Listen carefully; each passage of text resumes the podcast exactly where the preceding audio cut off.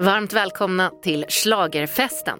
Det här är podden som i vanliga fall gräver ner sig och analyserar i årets melodifestival. Precis, och vi brukar prata om vad som ska hända, vad som hände, varför det hände, hur det hände och, och tycker en massa saker gör vi också. Ja, live på turnén och inför turnén helt enkelt. Men nu har jag som heter Elaine och driver den här podden ihop med min kompis Anders?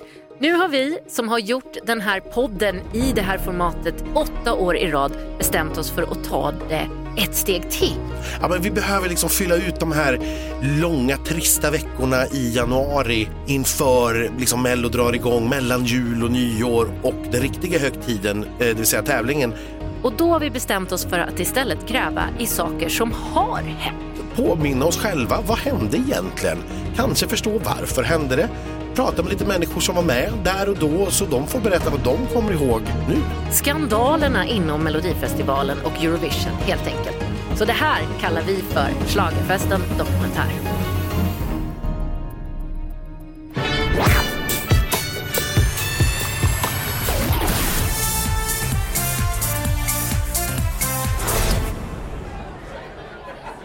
Det är den 4 februari 2016. På en lokal i Göteborg pågår ett trevligt mingel. Man välkomnas till Melodifestivalens första deltävling i Göteborg. Folk skålar, kramas, tar för sig av skaldjursbuffén och är glada att se varandra igen. Men så plötsligt ringer det till i allas mobil. Alla stannar upp. Det har kommit ett meddelande om en blixtinsatt presskonferens om bara 30 minuter. Mitt i pågående festligheter. Folk är förvånade och förvirrade. Man kollar runt. Vilka saknas på plats? Vad kan ha hänt? Gäster och reportrar kastar sig mot garderoben och utgången för att hinna fram. Men vad är det egentligen som har hänt? Det är sånt här man drömmer om att vara med om när man åker på turné. Att det, att det sker något drama. Det här kommer alltid vara ett trauma, inte minst för Anna men det var det även för oss för att det här var någonting som var så synnerligen unikt och märkligt att vara med om. Ja, det fanns ögonblick här i som, som är väldigt skrattretande. Det som ledde fram till den avbrutna festen, förvirrade festdeltagare och en svettig tävlingsledning börjar egentligen redan ganska exakt två år tidigare, år 2014, i ett land långt ifrån skaldjursbuffén i Göteborg. Vi börjar vår historia den 10 september 2015. För dig och, för mig och för de allra flesta så var det här nog som ja, vilken dag som helst och inte särskilt mycket man minns. Om man inte råkar bo i Kiruna och jobbade i gruvan den dagen som märkte av ett mycket litet jordskalv uppmätt till 1,9 på Richterskalan. Det är förmodligen helt orelaterat till den händelse som för våran huvudperson däremot var en ganska minnesvärd dag. Den här dagen fyller sångerskan Anna Bok 45 år. Det uppmärksammas i en kortare intervju i Dagens Nyheter. För Hans Kronbrink berättar Anna om tiden efter Biggest Loser VIP, att hon precis har sprungit Tjejmilen och att det var faktiskt DN som arrangerade den allra första talangjakten som Anna ställde upp i. Som 14-åring så sjöng hon Om du har en dröm så dröm om mig som i svensk eh, originalversion, det är egentligen en italiensk låt, eh, sjungs av Stefan Borsch och slutade på en fjärde plats. I slutet av intervjun kommer det intressanta för oss. Här avslöjar hon att hon gärna vill vara med i Melodifestivalen 2016. Detta för att fira 30-årsjubileet av hennes ABC som har kommit att definiera både hennes karriär och nästan henne som person. Hon säger... Jag har just i dagarna spelat in en nyskriven låt, en rökare som jag hoppas kommer med i Melodifestivalen nästa år. Jag är så taggad att göra comeback 30 år efter att jag stod där på scenen som en nervös 15-åring. Ronny Larsson är chefredaktör på QX och har drivit eh, podden och bloggen Schlagerprofilerna tillsammans med Ken Olausson. De har varit med på turnén sedan 2007. Ronny är också ett stort Melodifestival-fan sedan barnsben. Jag hade ju lite koll på Anna Bok sedan tidigare så när jag hörde att hon skulle vara med i Melodifestivalen 1986 så blev det ju lite till mig. Jag var tio år gammal och var så spänd på vad hon skulle sjunga för någonting. Och sen när jag fick se den här videon i den här spetsklänningen och hennes eh, rosa pudrade kinder i den här fantastiska barnpoplåten så älskade jag ju det. Jag var ju så glad när hon gick vidare till final. Eh, jag var besviken såklart att hon inte vann. Men eh, jag håller ju ABC fortfarande som en väldigt härlig låt. 24 november 2015. Det är sen höst, det närmar sig december och lika säkert som lussekatter på Lucia så är Aftonbladet i full färd med att avslöja nästa års tävlande artister i Melodifestivalen. Tidigare under hösten har man kunnat läsa att Samir och Viktor, Lisa Ajax och Oscar Sia kommer att vara med och tävla. I artikeln som publiceras just den här dagen, den 24 november, kan man läsa att Torbjörn Ek och Frida Söderlund på Aftonbladet snokat fram och avslöjar att After Dark kommer att återförenas för tävlingen. Och att en då helt okänd artist, Saraha, ska sjunga en låt på swahili. Och, ja just det, Anna Bok är nu också klar för tävlingen 2016. En vecka senare, den 30 november 2005. Ett hav av journalister har samlats i TV-huset i Stockholm. Man är förväntansfulla, nervösa och det går nästan att ta på stämningen. Ja, just det.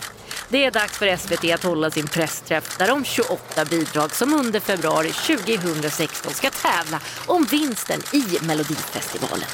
För två, Anna Bo! Mycket riktigt stämmer Aftonbladets tidigare avslöjanden som alltid. Anna Bok kommer sprudlande ut på scenen och presenteras som en av de artister och hon ska få sjunga i den första deltävlingen i Göteborg den 6 februari 2016. Bidraget det har fått namnet Himmelgjord för två. Bakom låten står den så kallade Gävle-trion. Sven-Inge Sjöberg, Lennart Bastesson och Larry Forsberg. Gävle-trion har tävlat många gånger förut så det är inte så anmärkningsvärt. De har skrivit bidrag till bland annat After Dark, Jill Johnson, Östen med resten och Brandsta City Släckers. Men däremot är textförfattarinnans namn desto mer spännande. Där står deckardrottningen Camilla Läckberg. Ja, men när, när Anna skulle återkomma till Melodifestivalen för, vad blir det, för, för fjärde gången. För då hade hon ju redan tävlat med ABC, Det finns en morgondag och sen hade hon ju gjort hyfsad succé får man väl säga ändå med Samba Sambero 2007. Så tycker jag att det kändes roligt. Jag blev jätteglad att det skulle vara slagerinslaget. Hon hade gjort bra låtar tidigare så jag var ju rätt pepp på det här. Jag vet att jag pratade med henne innan för jag plåtade henne för QX där hon var prinsessan Leia. Och då kommer jag ihåg att när hon berättade om låten så kände jag så här, ah, men det här kommer jag nog gilla. Det här kommer nog vara bra. Det känns som en bra matchning med en klatschig schlagerlåt och Anna Bok liksom. Nu är vi på plats i Göteborg. Melodifestivalveckan börjar precis som vanligt. Pressen får eh, i ett ganska trist konferensrum på Artisthotellet höra låtarna spelas upp på onsdag kväll från en lite underdimensionerad stereo. Artisterna de torrrepar en bit därifrån. Att torrrepa betyder att man framför sitt nummer i en gymnastiklokal där man har ritat upp scenens form på golvet och så får de låtsas att de är på den riktiga scenen. Allt är som vanligt och frid och fröjd. Alla går och lägger sig belåtna utan att ha en aning om vad som väntar nästa dag. Ah. Dag två i bubblan inleds och nu är vi där på den ödesdigra dagen, torsdag den 4 februari 2016. Christer Björkman, exekutiv producent och tävlingsproducent för Melodifestivalen 2016, berättar Anette Helenius som var projektledare, hon, hon hade precis kommit dit och hon hade ringt och frågat på onsdagen, eh, behöver jag komma ner? Och vi bara, nej, nej, det händer ingenting. Hon står där med väskan i handen och det här är det första som händer. Artisterna repeterar sina nummer framför pressen, äntligen på den stora scenen i Skandinavien. De repar i startordningen och de har 25 minuter var på sig att sätta sitt nummer. Framför ett stort rosa blinkande hjärta på scenen sjunger en överlycklig Anna himmelgjord för två tre gånger ihop med sina dansare på scenen. Aftonbladets Torbjörn Ek han rapporterar i sin blogg att Anna får in alla slagreferenser på tre minuter. Det glittras, dansas, viftas med armar och dansarna lyfter Anna på scenen. Det är rosa, det är hjärtan, det är Carola-fläktar i håret, det är tonartshöjning. Ja, det är för bra för att vara sant för Anna. Och så blir det ju också. Under eftermiddagen får ju nämligen allmänheten också lyssna på en liten snutt av varje låt, antingen via radio eller på SVTs hemsida. Och det är nu dramatiken börjar. Någon på Twitter tycker sig känna igen Himmeljord för två. Har vi inte hört den här förut någonstans? Men så kan det väl inte vara? Det är ju bara nyskrivna låtar i Melodifestivalen.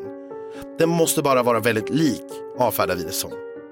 Jag kommer inte riktigt ihåg när jag hörde de ryktena om att den skulle vara lik någon annan låt.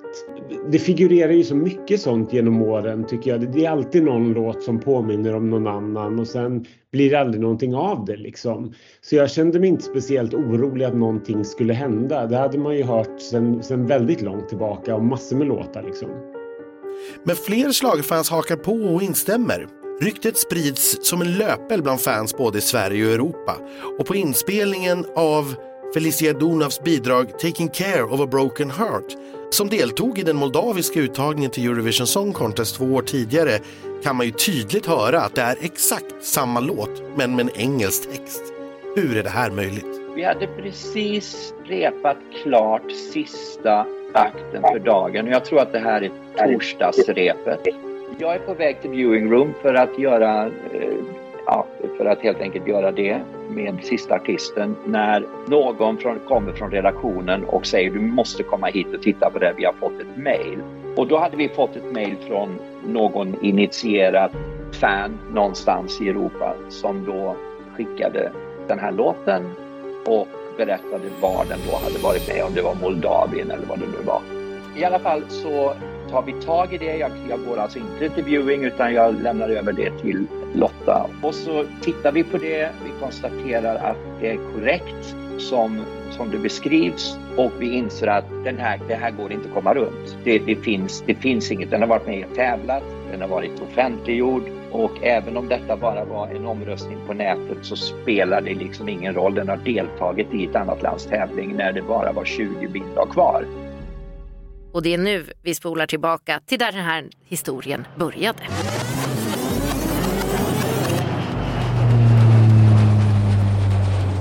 Moldavien 2014. Det moldaviska tv-bolaget TRM bjuder inför Eurovision 2014 in till en öppen tävling där alla artister ska vara moldaviska medborgare. Låtskrivarna däremot får vara av vilken nationalitet som helst. 64 bidrag kommer in till tävlingen. Dessa framförs i en live audition den 1 februari inför en jury som sen väljer ut de 24 bidrag som kommer att tävla i tv i två semifinaler. Bland de bidrag som går vidare är inte Felicias Taking Care of a Broken Heart med. Så vad har det här då med Anna att göra? Jo, problemet för Annas del det är att live-auditionen också har livesänds via TRMs hemsida och dessutom har man lagt ut bidragen att lyssna på i efterhand och hemsidan med alla bidrag ligger fortfarande uppe nu, två år senare.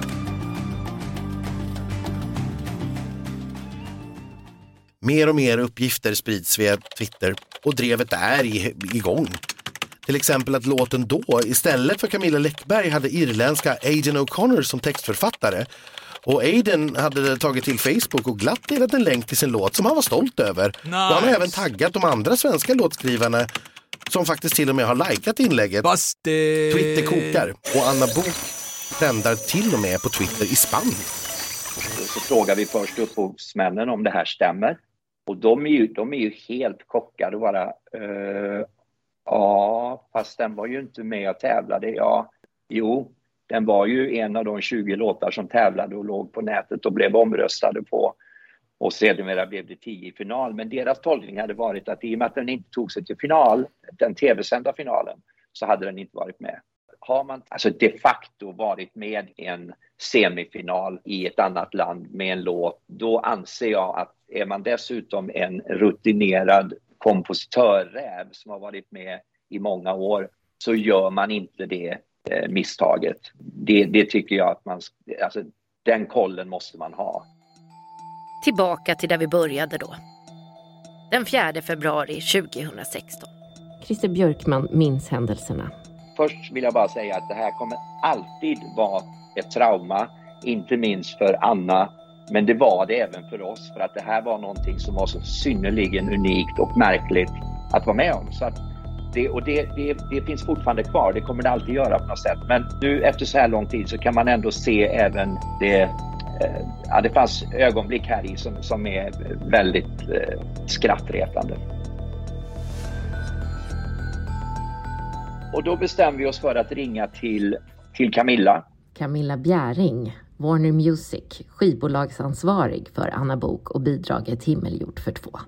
Och säga att ni måste samla ihop teamet, ni måste komma med upphovsmän och artist tillbaka till eh, Skandinavium för vi har ett problem. Och hon gör det. Eh, vi, vi inser ju hur, hur jobbigt det här kommer bli för Anna så att vi, vi försöker hitta en plats som är diskret, som är där ingen liksom kan, kan höra oss och se oss utan att vi gör det här på...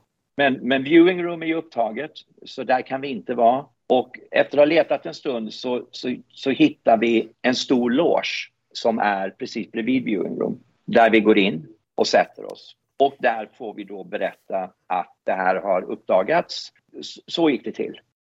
Det finns ju en en, en väldigt makaber eh, detalj i den här historien. Och den är ju att den här låsen som vi hade baxat in oss i, den tillhörde ju någon. Så mitt i det här traumat, när vi försöker att trösta Anna, så knackar det på dörren. Och Annette går och öppnar dörren och utanför dörren står Bolibompa-draken.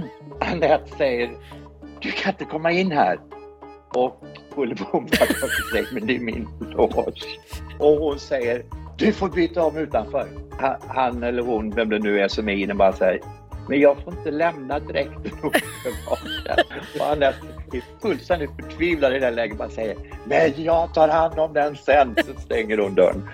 Det här är, alltså av alla ögonblick eh, i, i livet eh, så var det det sämsta ögonblicket att få ett möte med Bolibompa-draken. Jag lovar. Artister, låtskrivare, produktion och media samlas för en välkomstfest arrangerad av Göteborgs stad. Det här minns ni. Traditionsenligt är det en skaldjursbuffé som bjuds och snacket går ju såklart ändå bland deltagare på festen att Anna Bos låt tydligt varit publicerad i offentlig kanal och vad som ska bli av det. Men ingen kunde ana. Till slut så bryter då SVT tystnaden och kallar till den där blixtinsatta presskonferensen klockan 20.15 mitt i festen. Under tiden vi satt och pratade med Anna och eh, upphovsmännen så hände ju detta. Det bestämdes ju eh, då. Så när vi kommer ut från det här mötet, då är vi, alltså, vi är ju ganska uppskakade av det. Alltså, Anna var ju fullständigt förtvivlad och, och hela vårt fokus låg ju på att, att överhuvudtaget hantera den här traumatiska situationen som hon var i. Det var ju vårt fokus. Så kommer vi ut därifrån och då säger de att ja, vi har kallat till en presskonferens, ni ska hålla i den och jag skulle föra talan eftersom det var tävling. Så det, det var liksom mer sådär, vi, vi forslades, vi, vi följde bara ett, ett, ett utstakat spår. Ronny Larsson var på plats. När man precis hade kommit till festen och folk hade samlats och hade väldigt trevligt och, och sen det kommer ett mejl där det står att SVT kallar till en blixtinsatt presskonferens så blir man ju helt till sig. Det är ju sånt här man drömmer om att vara med om när man åker på turné. Att det, att det sker något drama så man har någonting att skriva och Pulsen går ju upp liksom.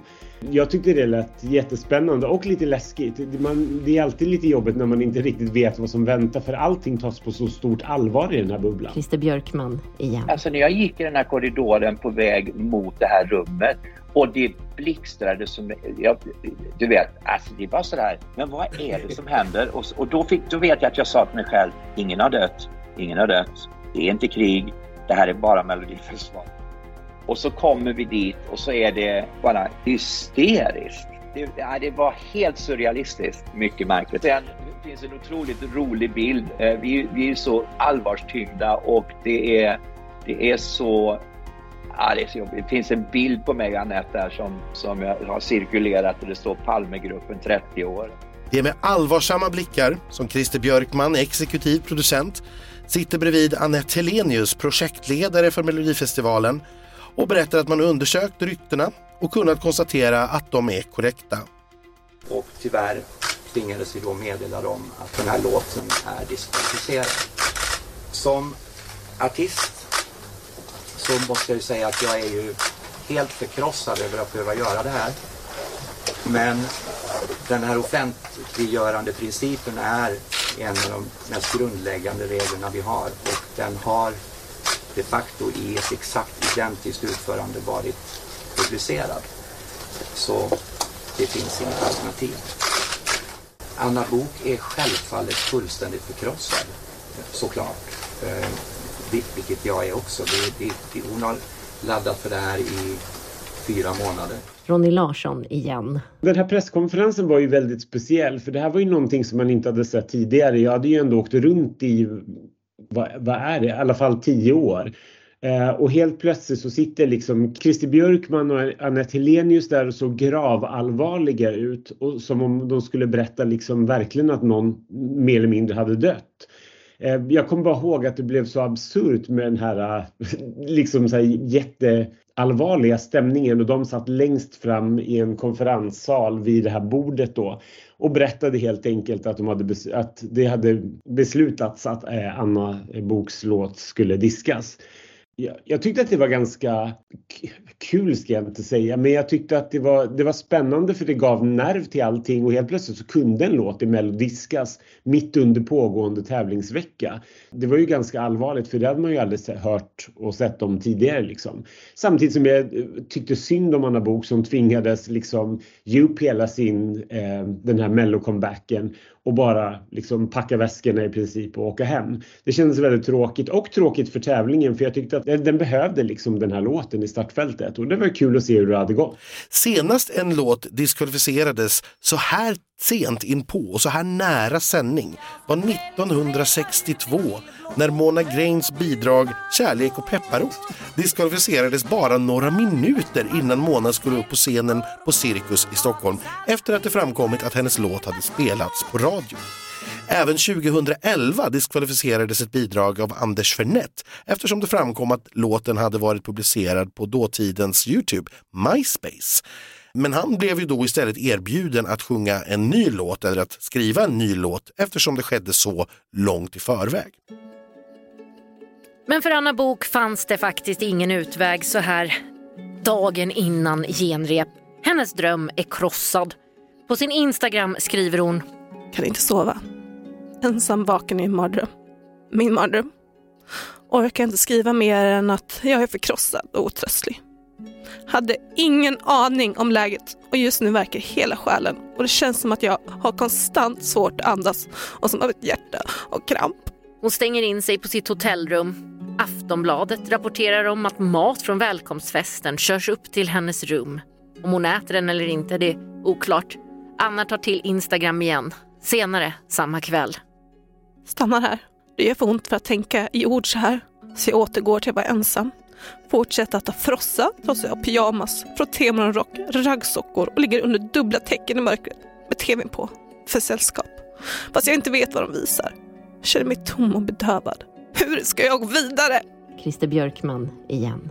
Hur hanterar vi Anna? Vad kan vi göra för henne för att liksom lindra på något sätt hennes eh, förtvivlan? För, för hon var ju det, det bara, och det bara pågick. Det, det, liksom, det, det stannade ju inte av. Liksom. Och då, då kom vi väl fram till att ja, men vi skulle ju kunna ha henne som mellanakt. Vi sa också att det, det, skulle kunna, även ur ett tittarperspektiv, vara positivt att, att vi gav henne det fönstret eftersom låten trots allt var diskvalificerad och kunde inte återkomma på något sätt i tävlingssammanhang. Eh, jag tror, hon, jag tror att hon sov på saken och sen fick vi något besked på morgonen tror jag. Jag tror inte hon tog det beslutet på kvällen om jag minns rätt. Jag är inte hundra, det här är jag osäker på faktiskt. Som sagt, jag, det är, jag, jag, var, jag var helt dränerad efter den där presskonferensen. Så det var eh, så att jag har faktiskt ytterst få detaljminnen kvar av den kvällen. Till slut framförs numret på lördagskvällen inför ett fullsatt Skandinavium. Det blir en mellanakt till stående publik som aldrig verkar vilja sluta applådera. Det, det, blev jättefint. Jag är jätteglad att vi tog det beslutet. Jag tyckte väl att det var rättvist att hon var med som, som mellanakt och fick framföra låten i alla fall. Det kändes liksom fair. Det, det kändes som en fin gest av SVT. Däremot så kändes det ju tråkigt när man, när man som schlagerälskare fick, fick titta på numret och se. Och man, man kommer ju alltid undra liksom, vad hade hänt med den här låten. Hade den funkat? Hade den tagit sig vidare? Dagen efter toppar låten iTunes försäljningslista i Sverige blev ju iTunes 1 alltså, eh, kort efter liksom att, att den hade framförts. Och eh, alltså den hade ju inte blivit någon framgång tror jag om den hade tävlat utan det berodde ju bara på det här snackisen och att den blev lite kultig liksom. Jag, om jag skulle tippa så tror jag att Anna hade fått eh, lämna tävlingen. Jag tycker det var ett jättefint avslut på historien. Hon fick sina minuter i solen, hennes låt fick ett erkännande och jag tror att publiken också uppskattade väldigt mycket att, att de fick höra låten. Låten, ja den går till Melodifestivalens historia som ett alldeles, alldeles eget kapitel.